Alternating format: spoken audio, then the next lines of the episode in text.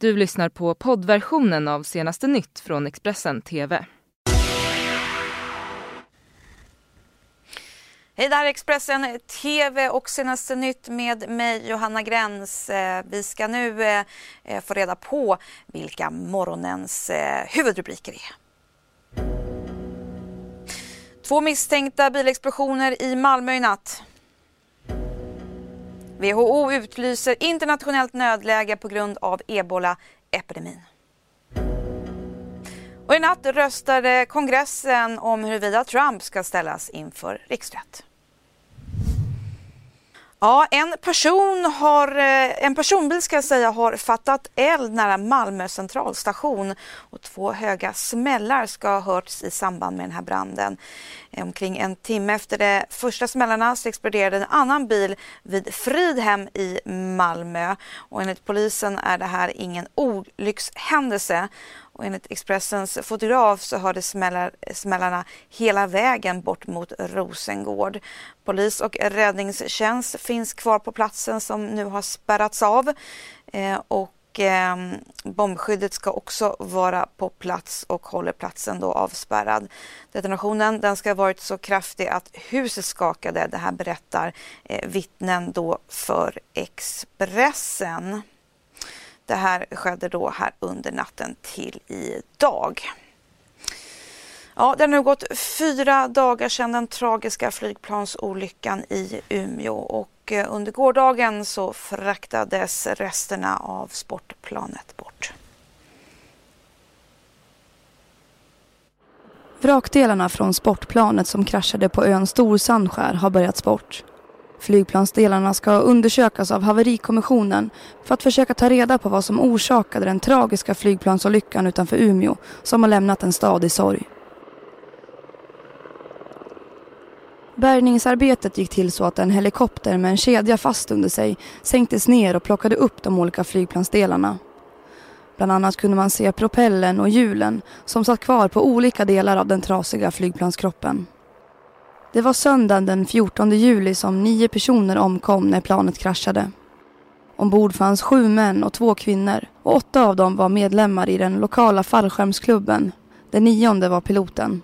Planet var i luften för att de skulle hoppa fallskärm.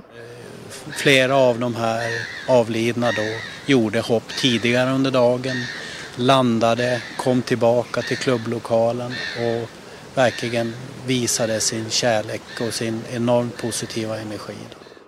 Enligt haverikommissionen var inte planet helt när det nådde marken utan delar av det ska ha lossnat i luften. Så sent som den 25 juni utfärdades ett luftvärdighetsbevis gällande olycksplanet som intygade att planet var dugligt, servat och underhållet som det ska. Flygexperten Jan Olsson tror att olyckan orsakades av olika händelser och inte bara en. Det enda man kan säga att det säkert är just en kedja av orsaker om det inte finns en entydig materialutmattning så bara vinge eller något har pang gått av. Då är det en orsak, annars är det flera. Det väntas ta tid innan man har kartlagt vad som egentligen hände eftersom planet inte hade en svart låda ombord. Men utredarna har säkrat radarspår och vissa inspelningar från flygtrafikledningen och det ska också finnas filmmaterial som kan ge information. Vanligtvis tar en olycksutredning upp till ett år. Ja, nu yrkar åklagare på ett långt fängelsestraff för den 39-årige man som misstänks för styckmordet i Högdalen i södra Stockholm i november förra året. Det här skriver Dagens Nyheter. Sammanlagt så yrkade han på 18 år, men inte livstid. Två andra män är också misstänkta för medhjälp till det här brottet, men åklagaren tror inte att de här kommer att bli dömda. Det var under hösten som polisen fick tips om att en man mördats i en lägenhet i Högdalen och först i december hittades kroppen i en sjö i Sköndal. Vi ska nu gå utrikes för igår ja, då kom beskedet att WHO eh, nu utlyser ett internationellt nödläge på grund av ebola-epidemin som fortsätter att skörda offer.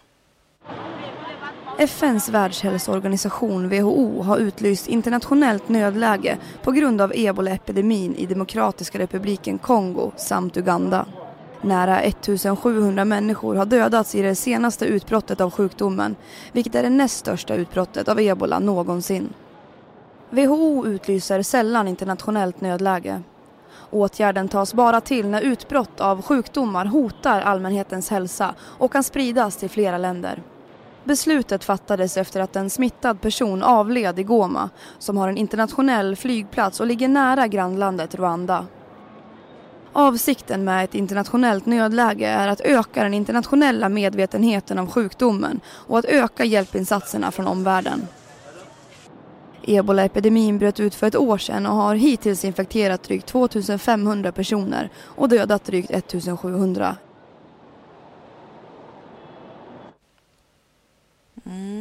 Vi ska nu till USA för Donald Trump. Han har ju nekat till att han varit vän med den dömde eh, sexförbrytaren Jeffrey eh, Epstein. Men nu avslöjar bilder att eh, presidenten har ljugit.